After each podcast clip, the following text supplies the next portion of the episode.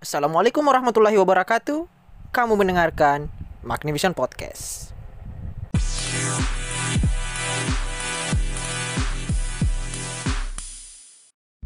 Ya, kembali lagi kamu mendengarkan Magnivision Podcast. Podcast Wise yang mungkin saya kalau mungkin itu kepanjangan atau em, masih sulit dibilang mungkin cukup bilang saja port wise saya rasa itu singkatan yang akhirnya saya temukan setelah banyak berpikir lama tentang seharusnya podcast ini. Dinamakan apa? Sudah mau satu tahun baru dapat nama yang bagus. Oke eh, sekarang kita ada di edisi tahun baru walaupun ya ini di upload kedua ya sebenarnya. Kalau dari segi penanggalan mungkin dari segi episode. Ya tapi di sini ya ya tidak terlalu telat mungkin kita katakan selamat tahun baru. Tetaplah optimis meskipun resolusi-resolusi Anda dan harapan Anda di 2020 tidak terjadi. Nah, eh, ya sekarang saya di eh, episode kali ini juga ditemani kembali ya. Waktu episode sebelumnya saya sama eh, Muhammad Ihsan Rashid sekarang saya kembali lagi bersama penanggung jawab konten berbahaya. Fajar, ya Fajar, apa kabar Fajar ini? Baik, baik, Oh, baik, baik. Oh masih masih baik. Eh, eh, puji Tuhan. Oh puji Tuhan. Tidak mau bilang alhamdulillah. Nah, ini lebih universal lah. Oh universal. Berarti alhamdulillah tidak universal.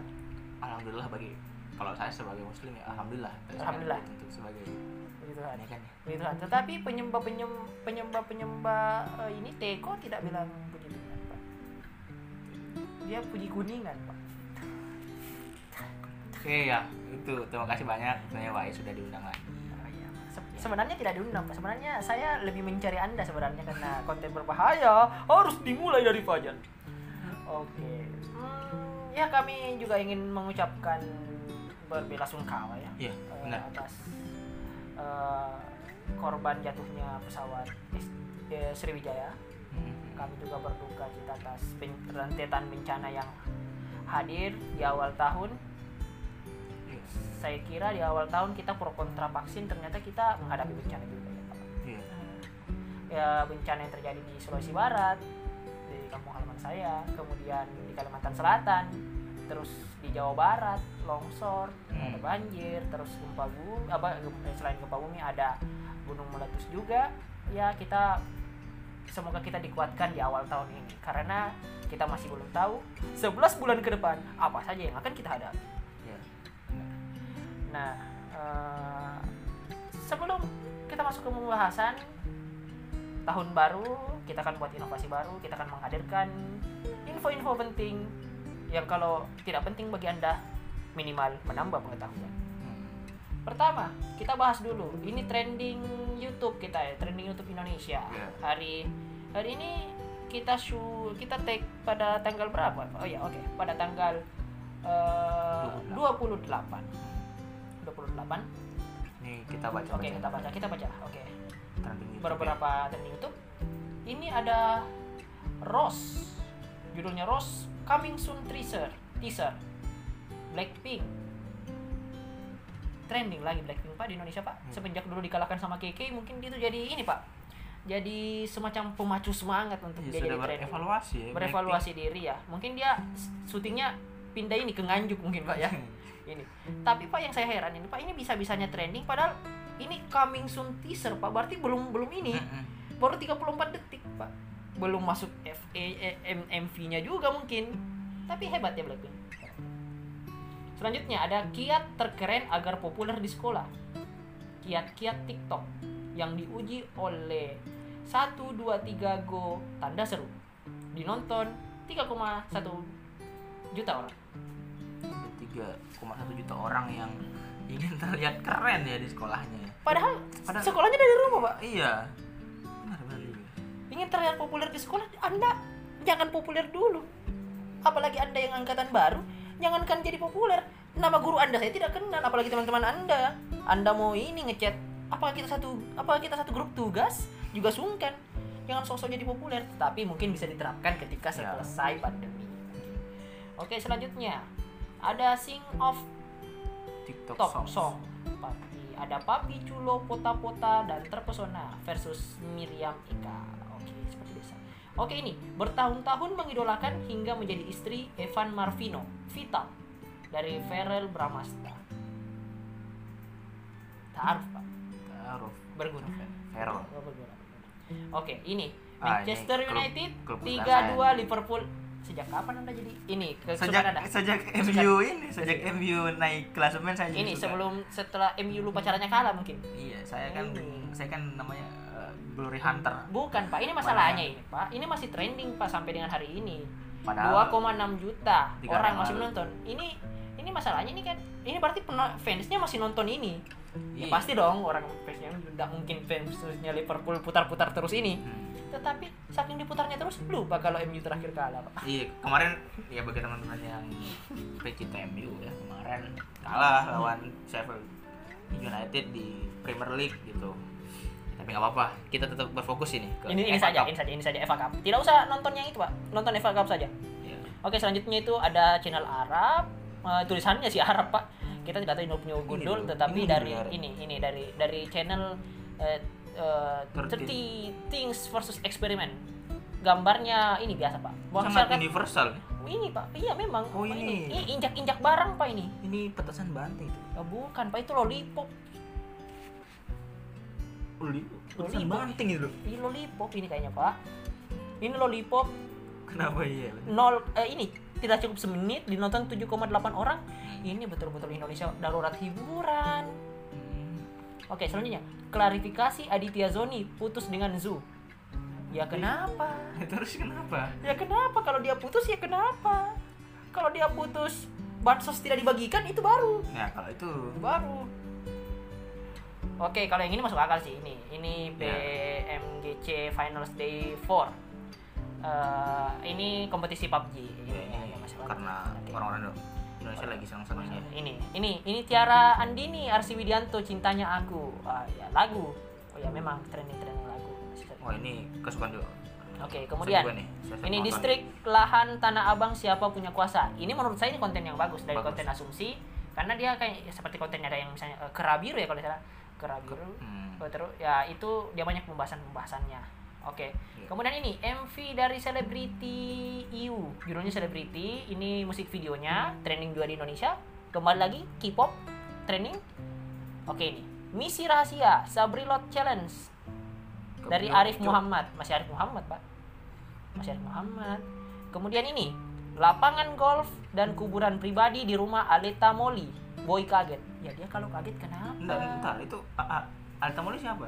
Aleta Moli ini katanya nggak tahu saya baca- kita lihat ya kita lihat di Google kita lihat di Google Aleta Moli katanya dia ada hubungan ini pak dengan Cut Mutia katanya Eh, cucu dia merupakan penyanyi berkemasangan adalah generasi kelima dari pahlawan nasional Cut Mutia Itu, Hmm. oh, itu se seumuran juga dengan. Oh iya seumuran dengan kita. Dia 2000. kelahiran ini tahun 2000, Pak. Oh, oke. Ya cukup eh, membanggakan ya dia sudah bisa sukses di umur 20 walaupun hartanya sudah banyak begitu, tapi dia sudah ingat mati, Pak. Ini sangat yang bagus. Oke, ini ini ini ini ini ini ini terakhir, terakhir, terakhir. Ini sebenarnya masih banyak trending. Oke, ini terakhir dari Dio, Dio atau Dio, Dio mungkin ya. Dio, kan ada titiknya. That's okay, live clip. Jadi dia ini baru ini pak, baru baru selesai wamil, Eh, dia keluar, terus dia kayaknya belum, dia satu-satunya dari sembilan mem sembilan member EXO yang bel- belum eh, yang kalau saya cari belum punya lagu Iya. lagu solo dan sekarang dia langsung tancap dan langsung terkenal pak ini bagus pak orang-orang di Korea Selatan pak langsung bisa ini pak setelah setelah ini setelah dia ikut wamil dia langsung bisa naik lagi popularitasnya. Hmm. kalau Indonesia popularitasnya turun ikut bikin pilkada. Atau bikin ini eh, skandal. Settingan. Settingan. Iya. Tapi kita yakin Dio akan sukses di comebacknya ini. Kita yakin juga pendukungnya banyak di Indonesia pak. Ya yang nonton saja 2 juta orang pak. Berarti kalau mungkin dikumpulkan saya harap jangan kumpul tidak usah dikumpul di Monas ya. Karena ini apa kumpul di Modas karena ini kan karena tidak akan cukup pak. Ke Monas itu kapasitasnya kan 7 kan nanti kelihatan Oh, kalau nonton oh, jangan kumpul di Monas. iya jangan kumpul di Monas. Kumpulnya di sini di Senayan lain mungkin. Di dekat-dekat Gelora Bung Karno mungkin muat 2 juta pak mungkin. Hmm. ya karena kalau di sana cukupnya 7 pak. Cukupnya 7 Tujuh apa? 7 juta. Kan ada yang di situ pak. Tapi kan nggak boleh reunian sekarang Sedang social distancing mungkin reuniannya boleh kumpulnya di eh, di Monas tapi dari virtual. Oke. Ntar, Oke. sebelum kita masuk ke oke. udah jelas ini EXO ini apa? oh. Mungkin ada pendengar-pendengarnya Potwise yang Iya. mungkin masih terjebak dengan EXO-9, Dragon Boys, Eksponen apa cuk? Eksponen anda suka matematika eksponen EXO-9, boy band ini, boy band. EXO ini dulu. we are one we are EXO katanya seperti itu ini apa salah satu boyband boy Korea band Korea. boyband Korea yang banyak di Indonesia terakhir dia bikin tour namanya Ex Exploration at Exoplanet kayak pernah di Jakarta Beb. Nah, sebelum pandemi pernah sempat 2019 nah, itu mungkin bagi bapak-bapak Iya. yang masih tahunya itu panjitan bersaudara, Rama Aruf yang lagu terpesona la- lagu terpesona Persi dulu. Ya itu Nah, itu Mungkin. pak. Ada EXO dan sekarang Ada, ini sekarang orangnya. EXO, Pak. ganteng. Cukup ganteng ini. Oh ya oke. Oh karena kita singgung boyband saya jadi ingat pak. Saya ingin memberitahukan kepada anda ini kita sudah hadir. Ada boyband ternyata di Indonesia di boyband baru namanya Unity.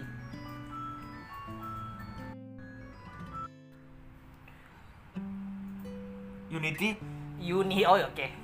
Oke Ya. tadi ada gangguan oke Unity ini di sekitaran Desember 2019 Hmm. Unity ini tulisannya ini pak. UN 1 TY Unity. Oh, iya. dia tuh singkatan dari Unity in Diversity. Singkatannya sangat singkatan. singkatannya sangat singkatan Unity in Diversity. Digawangi oleh 8 orang. Bisa lihat ada di IG-nya ada Instagramnya.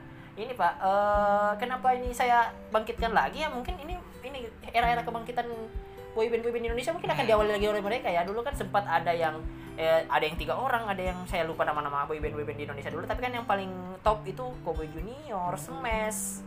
Smash, sampai ada parodinya Eh, Smos kan? Seven Icon, Seven Icon. Itu- itu Nah, berbeda. itu tapi tapi setelah itu kan vakum. Princess. ya sekarang kan Kenapa saya jadi tahu semua? anda ini dengarnya yang yang nggak kuat nggak kuat ya? Soneta bukan boyband. Soneta bukan Soneta zaman zamannya Soneta oke jadi sudah ada grup baru dia eh, hmm, punya lagu namanya Pangeran Tidur tapi sudah banyak lagu-lagu lain tapi mungkin akan Sleeping Prince. A Sleeping Prince.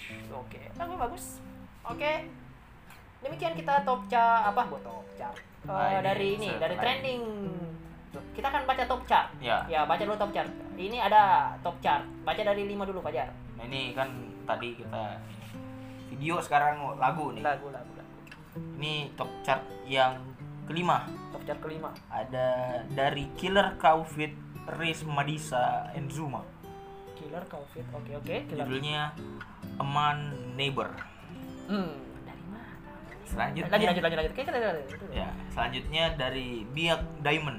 Judulnya Summer Yomuti. Hmm.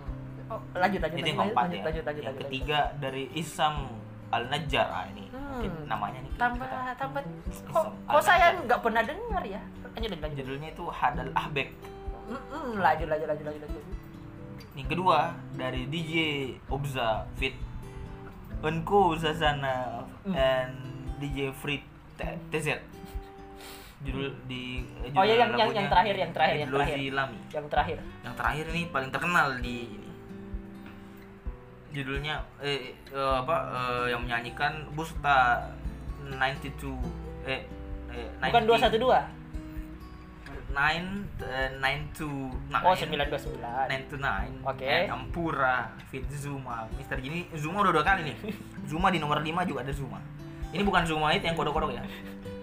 Judulnya judulnya apa judulnya? Judulnya itu Am Zebenzi Wetu top itu dulu lah dari tadi lagunya dari satu sampai lima saya nggak kenal ini top chart apa ini? Ini top chart apa? Top chart apa? Top kita chart lihat. Afrika Selatan.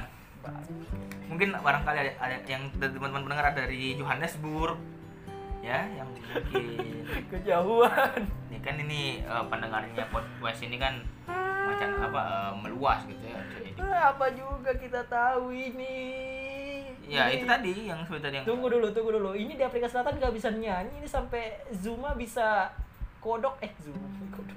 Saya tahunya kodok Zuma sorry. Ini Mr. Zuma bisa dua dua kali trending ini. ya, mungkin Hmm.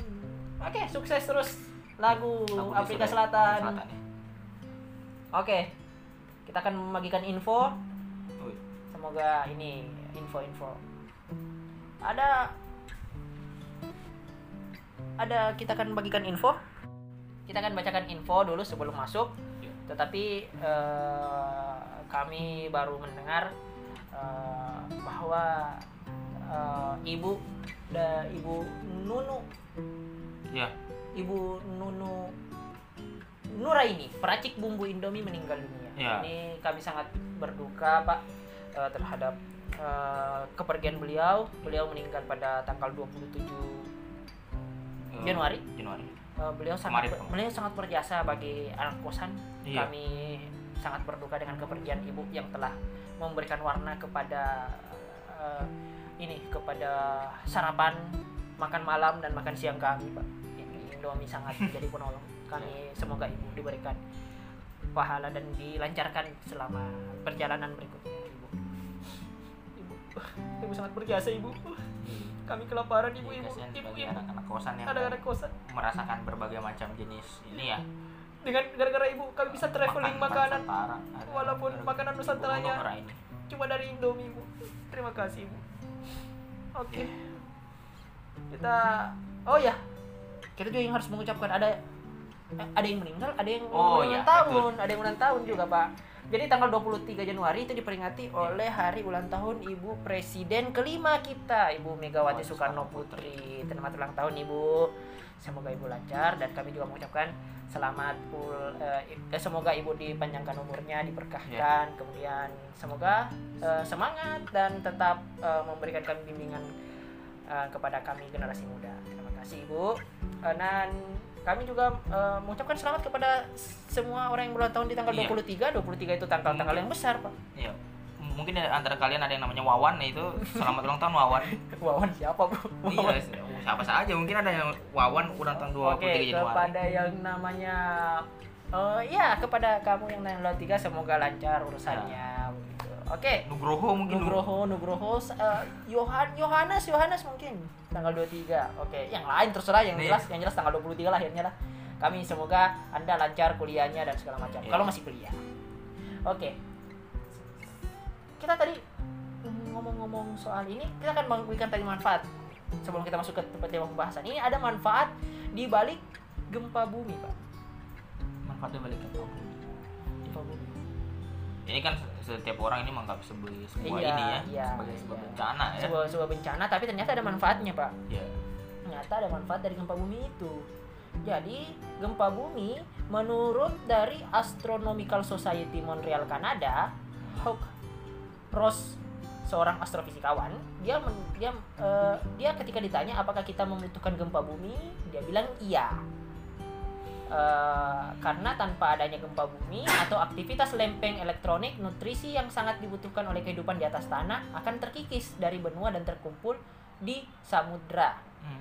Setelah beberapa waktu tanpa gempa bumi, kehidupan akan semakin sulit di daratan meskipun kehidupan di lautan masih berjalan dengan normal. Berkat aktivitas gempa bumi, nutrisi dan mineral-mineral yang terkandung di samudra bisa didaur ulang ke permukaan benua. Kita dapat melihat dengan jelas jumlah dan intensitas gempa yang terjadi dan dapat menjaga siklus daur ulang itu. Akan tetapi bagi kita yang tinggal di perkotaan dampaknya tidak terlalu terasa.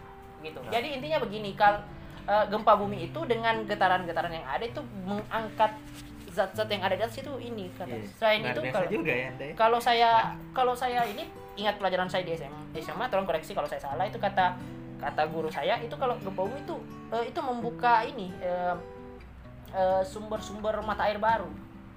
Begitu. Ini kan selama ini Eh, dianggap sebagai ini ya. Ini bencana ya. Oke. tetapi eh, bukan berarti saya ingin manfaatnya saya harus gempa. Nah, itu tidak seperti itu juga dong itu namanya anda kabur. Ya, memang ini eh, dampaknya luas ya. Oh, untuk apa ya? Untuk kehidupan kita yang lebih panjang lagi meskipun kemudian adanya gempa bumi tidak sedikit mengambil korban jiwa.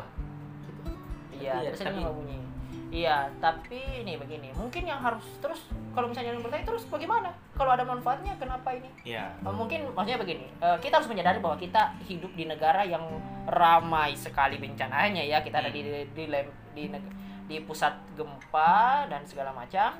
Eh, itu berarti kita harus sadar ya Jepang contohnya dia pusat Iya. gempa juga tetapi yang dia perbaiki mitigasinya itu kita mungkin harus karena kita harus sadar karena mau kita harapkan gempa bumi tidak ada ya kita ada di daerah yang rawan begitu Itu mekanisme alam. kita itu mekanisme alam kita tidak bisa seperti itu oke masuk ke pembahasan tadi ini ngomong-ngomong soal meninggal kita mau bahas apa Fajar Ah, kenapa jadi saya di sini? Iya, biasa kan Ya. nanti keburukan akan bertambah buruk kalau ada yang bahas Jadi apa ya? Jadi sekarang ini mungkin karena tadi Wise tadi sempat buka ya tentang berita-berita ini ya buka ya Iya, di awal-awal podcast.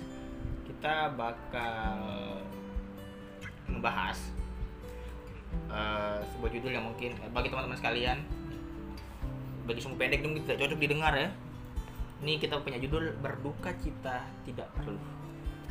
itu tadi kata-kata Fajar ya menambahkan mas jangan langsung dimatiin dulu kalau misalnya mungkin judulnya ini Fajar buat judul terlalu wadaw Iya. sebelumnya ini dis di disclaimer dulu yang yang anda tidak setuju dari duka cita itu kenapa itu Yang pertama gimana ya? Jadi apa ya? eh, eh, Em, saya perlu Ya, eh, tapi tapi harus dijelaskan dulu. Ini anda tidak eh, eh, kita disclaimer dulu mungkin duka cita duka cita yang bagaimana yang kita tidak setuju. Hmm. Eh, ada tiga sih sebenarnya. Yang pertama ya eh, yang terlalu berlebihan, Hmm. gitu ya. Terlalu berlebihan. Maksudnya yang berlebihan ada dua lagi sebenarnya. Yang berlebihan itu kayak misalkan kita sampai ini apa ya eh, menyiksa diri gitu. Itu kan sebenarnya dilarang kalau dari agama saya sendiri agama Islam itu di- dilarang itu berduka sampai berlebihan. Bahkan meratapi pun juga dilarang. Heeh. Berar- dilarang. Kan memang itu adalah suatu proses yang sudah Tuhan Hmm. tetap untuk kita itu yang pertama yang kedua ada juga eh, apa overexpose Overexpose. Contoh Iya. overexpose itu bagaimana Fajar? terlalu inilah terlalu dilebih-lebihkan sehingga malah yang awalnya niatnya itu untuk mem- apa ya menunjukkan apa ya hal-hal ajaib Hmm. malah ju- justru bisa melukai berpotensi melukai Hati dari orang yang seharusnya ya, orang eh, orang yang sedang berduka ini. keluarga yang ditinggalkan Kan. itu ya karena mem- memanfaatkan kondisi Hmm. berduka ini Hmm. contohnya ini ada berita ya yang judulnya ini dari ini boleh sebut ini enggak Iya, boleh boleh. Daerah.sindonews.com. Ya, dari daerah sindonews.com yang menceritakan tentang kisah dua teknisi telekomunikasi penumpang Sriwijaya Air yang selamat dari maut. Dia kan sebenarnya eh, apa ya mencerita eh, mungkin ya mungkin ya niatnya itu menceritakan wah ini orang eh, diselamatkan oleh Tuhan. Tapi Betul. kan eh, eh, apa ya in the other side of the coin Iya. itu kan malah bisa berpotensi mencederai apa ya malah menambah eh, dukanya si ini si Iya. apa ya nah se gimana ya eh, Iya. ya itu jadi bisa menambah eh, dukanya si orang yang Iya, karena- berduka itu Iya, karena dia bisa begini. Wih, ada yang selamat. Seperti begini. Anda mungkin pernah dengar yang berita Sriwijaya RI itu waktu pertama ini. Ada keluarga korban tanpa saya mendiskreditkan beliau, saya yakin beliau orang baik dan Hmm. namanya juga kalaupun juga saya mungkin bisa jadi saya seperti itu. Eh, beliau beliau kan mungkin karena rasa kesedihan yang terdalam tanpa kami mendiskreditkan beliau, beliau begini. eh, kan eh, kita sah-sah saja mengharapkan keajaiban seperti itu. Dia dia bilang anak saya itu pintar berenang, pasti bisa selamat. Bi- mung- mung- mungkin bisa selamat. Anak saya pintar berenang. Kamu jago berenang, pulanglah begitu dia bilang begitu. Iya. Nah, kalau Anda kasih berita begini, orang kan bisa bilang, "Ah, ini ada yang selamat. Berarti anak saya bisa selamat dong." Padahal ini orang yang cuma gara-gara pindah jadwal terbang, tidak jadi berangkat. Tapi Iya. karena narasinya begini, ini kan mending orang ah gara-gara orang gara-gara dia memanfaatkan orang yang berduka. nah iya. Oke. itu ya karena ini ya eh, tadi apa overexpose Overexpose. Terus Kedua. ada ini misuse. misuse. Misalkan ada berita eh, apa ya? Eh, kalau salah pernah baca ada yang ceritain tentang eh Captain Ikhwan. Ah, bukan eh Sriwijaya Air. Sriwijaya Air. Tenggelam. Eh, tenggelam. Kan begini gaji pilot. Kan maksudnya? Ya apa? Kalau ini dibawa ke kon- ke eh, eh, ke komedi ini sebenarnya lucu pak Hmm, hmm. kalau dia judulnya ke komedi Ini- bukan untuk menertawakan kejadiannya Iya. ya tapi kalau dia bawa ke komedi dengan pola yang seperti ini ini jadi misalnya eh, eh, apa ya eh, komedi kan intinya itu depannya itu harus patah begitu kan Iya. depannya harus patah Nah, ya itu tadi yang tiga itu berduka-berduka seperti yang sebenarnya tidak perlu. Yang Tidak pertama perlu. tadi berlebih-lebihan, yang kedua itu overexpose ya niatnya yang ingin niatnya memang ingin ini ingin tadi ya kata Mas eh, Dandra ikut dulu, apa ya tiga saja. ingin ikut memperlihatkan ya. Eh, kalau di, diri itu kalau si dia itu cukup bersedih juga. Iya. Ya, jadi gue bikin berita yang yang tuh ternyata malahan me- menyerang balik sih yang orang berduka itu. Itu yang Betul. kedua. Yang ketiga yang tadi yang misius Memang anda memanfaatkan apa ya eh, berduka dengan cara yang salah. Betul. gitu Nah jadi tadi banyak itu dia dimanfaatkan jadi misius kayak orang memanfaatkan memanfaatkan kedukaan orang. Nah over over expose ini yang saya rasa ya bagaimana ya? Ya mungkin sebaiknya berita-berita itu mungkin ya tidak usah bahkan kita bilang ya tidak usah diberitakan kalau memang harus seperti itu. Ini ini Ya. salahnya mungkin langsung saja berita langsung disampaikan ke, ke keluarga korban begitu. Ini kan jadi banyak yang orang memanfaatkan apa apa urgensinya? Apakah ada orang? Wah ada pesawat jatuh. Atau misalnya ada kapal tenggelam. Mau tahu gaji kapten? Kan tidak ada. Nah eh, apa ya? Tapi kita nggak melarang orang untuk berduka iya ya. tidaklah Tapi tidaklah tidaklah. seperti itu. kami dengan cara yang seperti itu. Kami kami begini. Ke yang yang yang kami apa ya? Yang kami tidak suka seperti itu. Hmm. kami kami sadari bahwa orang berduka atas kepergian orang yang dicinta Iya. itu ya pasti. Namanya kita kita berduka kita apa itu boleh. Hmm. kita boleh. Dan bahkan ya tidak mungkin lah anda minimal anda bersedih lah. Kalau anda tidak bisa sedih ya anda pura-pura sedih lah mungkin lah.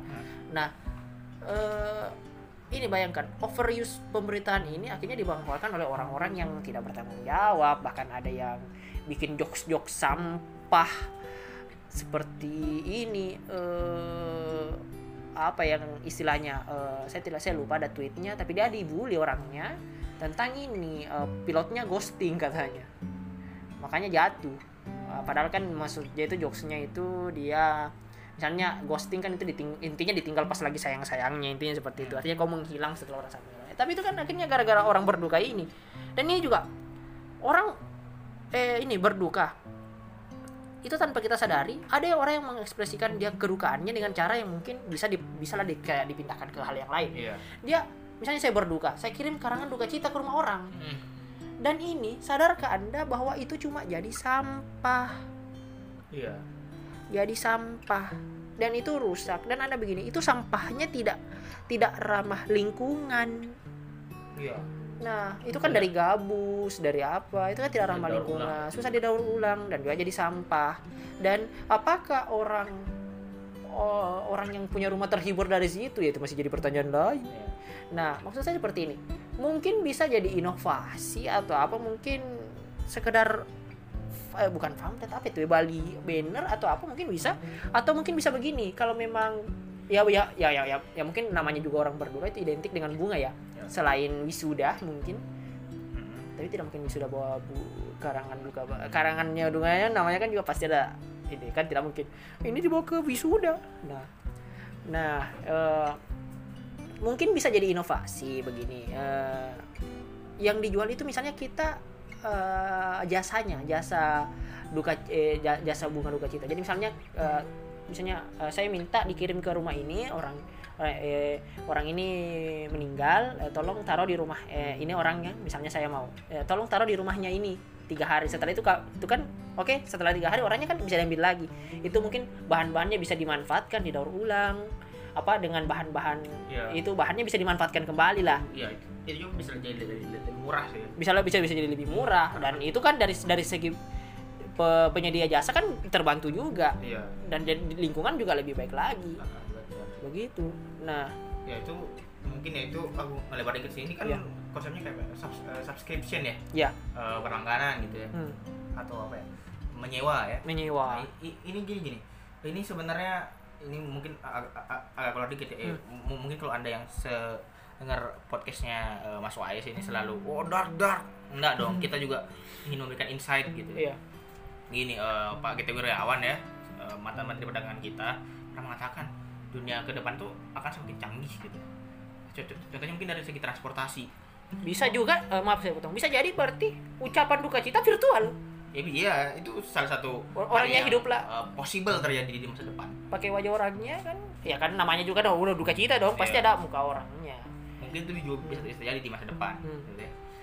dalam hal efisiensi nah ini lagi-lagi contohnya tadi apa ya transportasi gitu Hmm. orang-orang sekarang makin bosan sama macet gitu. Hmm. akibatnya oh orang ini malas naik, naik mobil gitu nah nanti ke MRT, depan LRT, iya kayak ya kalau nggak ya apa ya, naik ini apa naik kendaraan dan umum. umum. orang-orang mungkin berpikir oh gimana ya kira-kira kalau aku itu nyewa mobil apa sub- eh, subscription? Misalkan nih kayak Netflix gitu. Aku ini sebulan aku bayarnya segini. Hmm. nah, nanti kayak si wasnya t- tadi eh, was bilang gitu. Ada penyedia jasa. Hmm. Penyedia jasanya punya 10 mobil misalkan ini disewa sama orang sama Hmm. satu bulan sama satu bulan itu kan lebih murah ya lebih Dan efisien. renewable juga kan. Ya betul. Jadi eh, jalan jadi nggak penduh gitu. Hmm. Ya, ya gitulah itu ya semakin ke depan itu ya hal-hal kayak gini tadi termasuk tadi apa ya eh, apa sih namanya itu kekarangan bunga Hmm. itu bisa eh, bisa di inilah bisa diperhatikan lagi tuh bisa lebih efisien lah dalam ini. Iya.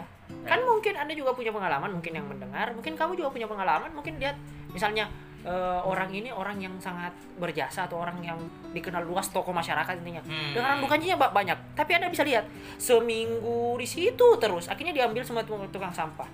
Coba misalnya kalau itu ada di daerah yang instalasi pembuangan sampahnya tidak sebagus Jakarta. Ah, iya. Jakarta kan itu kan sudah juga. sudah sudah sudah ada bant- ba- bantar gebang yang di mana itu yang diolah, yang mana yang bisa terurai, mana yang tidak ulang itu kan itu kan jelas. Nah kalau misalnya instalasi pembuangan sampahnya belum memadai di daerah-daerah itu kan jadi peng- pengurusan lingkungan juga, jadi Iya. limbah juga untungnya, Mbak. bikin Yang- macet juga. bikin macet juga. Nah, misalnya seperti itu.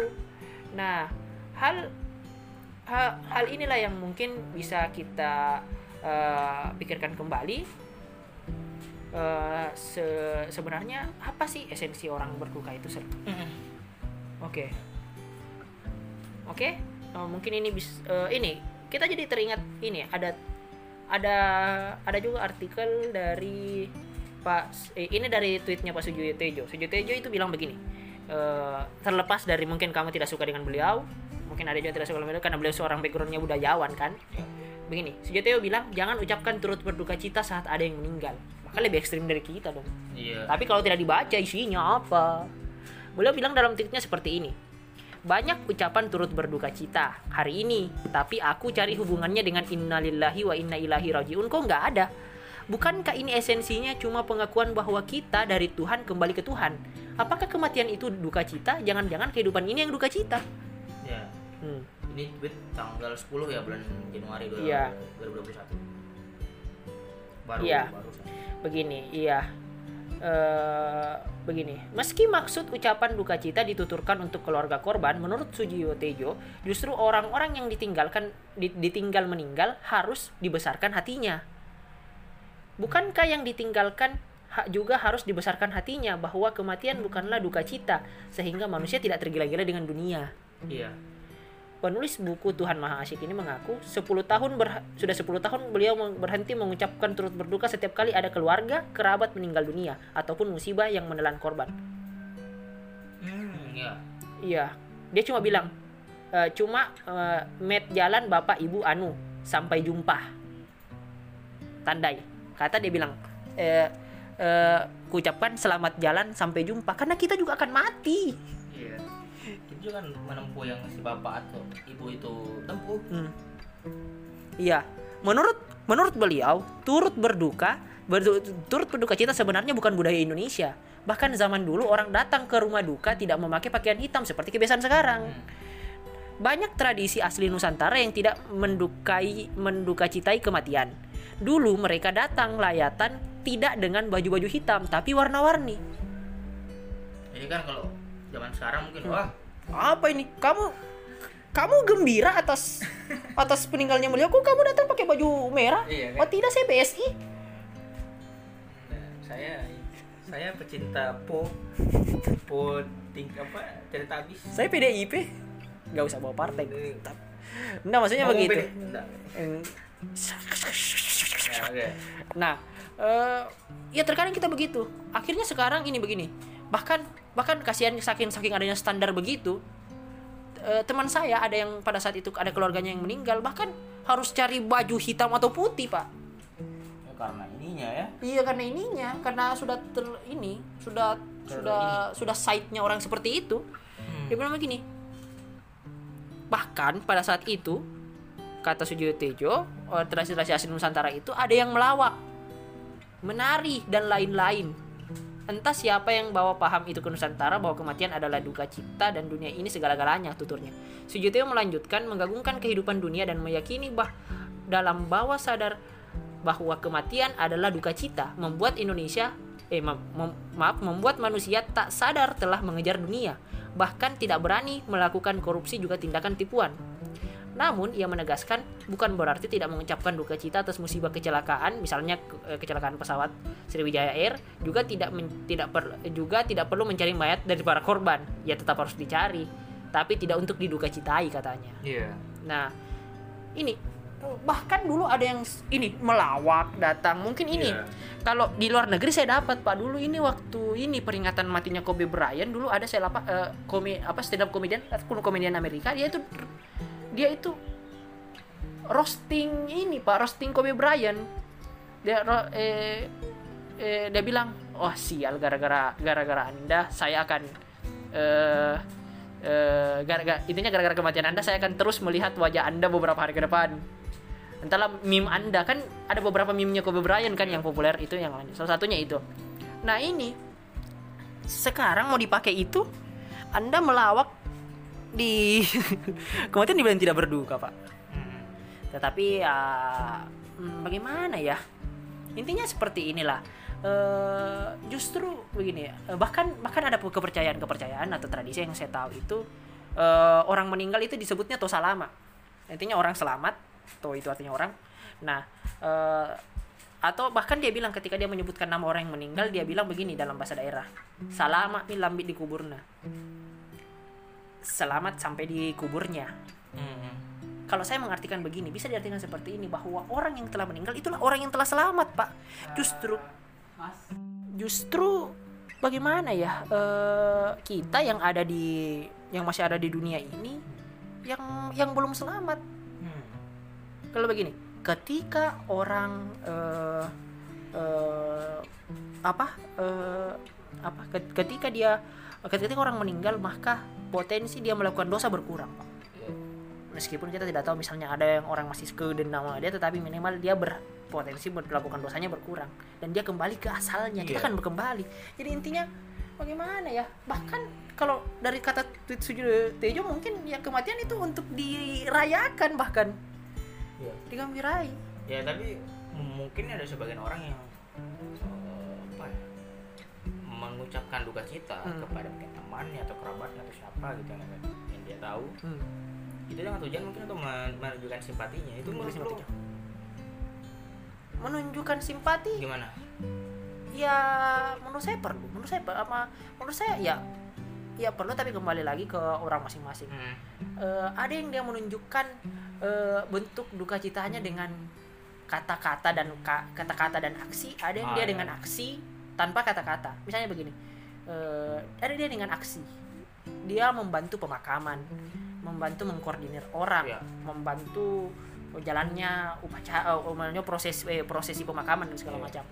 Ada orang yang dia memberikan support semangat. Misalnya eh, seperti seperti kita ini secara tidak langsung kita bilang ya kita juga akan meninggal nantinya seperti ini dan segala macam. Nah eh, itu yang harus perlu kita eh, renungi kembali sebenarnya orang tujuannya berduka cita untuk apa sih? Nah eh, bahkan kalau ini bah karena begini gara-gara orang berduka cita sang bisa di, disalahgunakan oleh orang lain. Makanya kan kita berpikir ah orang orang berduka cita mending duka cita tidak usah. Mending mungkin begini eh, ketika terjadi sesuatu ya kita kembalikan lagi ya namanya juga takdir dan apa ya. Eh, begini eh, banyak yang bahkan menyalahkan ini mungkin contohnya Sriwijaya Air atau mungkin ya bencana-bencana yang lain. Dia bilang eh, eh, apa ya salahnya sih pesawat tua salah pilotnya atau atau apanya. Saya kira begini ketika semua teknologi sudah maju ketika semua eh, peralatan sudah canggih semua mitigasi sudah tidak diterapkan dan dan sudah takdirnya terjadi kecelakaan kan terjadi kecelakaan. Iya. itu bukan gara-gara resim jelek atau apa tidak. Begini ketika misalnya anda eh, saya saya pernah dengar hadis atau apa ya ketika anda anda sudah ditakdirkan kematiannya te- kematian sudah artinya sudah dekat waktunya anda akan selalu tergiring untuk melakukan kegiatan atau ada adalah hal urusan anda di di sekitar situ makanya dulu misalnya ada yang kaitkan ya mak- eh, makanya seperti dulu ada yang namanya tambahan kru pesawat ya mungkin ya sudah ajalnya ya beliau, beliau di situ. Tetapi bukan berarti karena sudah ajal tidak perlu dicari dicari jenazahnya ya perlu dong. Nah masa oh, bukan bukan bukan bukan bukan seperti itu konsepnya. Itu harus dijadikan bagaimana eh, kita merenungi apa kita bisa tahu apa penyebabnya supaya tidak terjadi lagi ke depannya. Iya. Sama seperti begini ada yang orang belum ih untuk apa kita eh, teknologi fokusnya ke ini? Ke ke black box untuk mencari black box atau supaya untuk menjaga eh, eh, da- data itu dibandingkan nyawa orang? Tidak. Nyawa orang lebih penting tetapi tidak ada dunia yang sempurna seperti itu. Apabila terjadi data harus juga dikumpulkan untuk jadi pertimbangan selanjutnya oke kalau penutup dari Fajar gimana tentang yang berduka ya? Iya. Aku itu sih kan kalau teman-teman pasti eh, nggak ada ya. Hmm. mungkin yang tidak ini yang tidak pernah merasakan hal yang sebenarnya berduka. Itu mungkin yang meninggal atau hal-hal duka yang menurutnya kalian tuh disebut duka. Hmm. itu saya rasa semua pendengar waktu saya pasti pernah nge- apa ya ngerasain gitu. Itu pasti pernah dengar nih Tuhan lebih sayang sama dia itu kan kalau seperti itu hari kita tidak berduka. Bersuka cita karena Tuhan loh. Tuhan lebih sayang sama saudara kita atau si kerabat kita yang meninggal ini. Hari kita bersuka cita atas itu. Nah ju- justru pernah tadi katanya Wais jangan sampai atau dia- katanya Pak Suyo Tejo ya bahwa eh, jangan-jangan kita di dunia ini harusnya bersedih. bersedih karena jangan jangan di kehidupan di, di dunia ini yang duka cita sehingga Tuhan selamatkan kita supaya kita merasakan sukacita karena dekat dengan dia gitu. Itu menurut jadi lagi-lagi ya berduka itu sebenarnya tidak perlu pada beberapa hal. Tadi seperti yang disebutkan di bagian awal ya.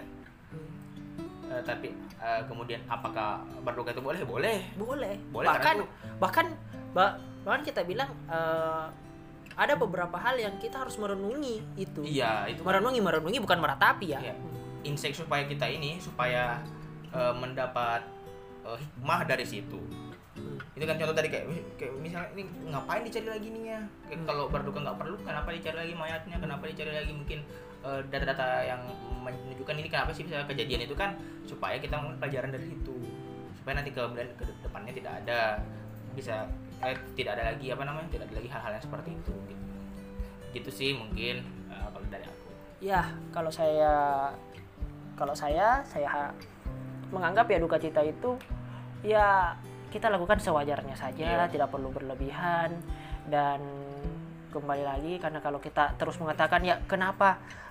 Ken- kenapa saya? Kenapa keluarga saya? Kenapa ini? Kenapa Iya. itu? Anda nanti kalau menyalahkan menyalahkan terus anda pada akhirnya anda akan menyalahkan Tuhan.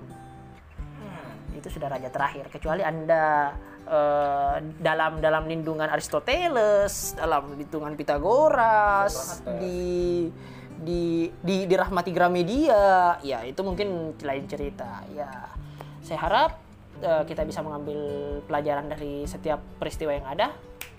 Demikian podcast kali ini. Saya Wais pamit.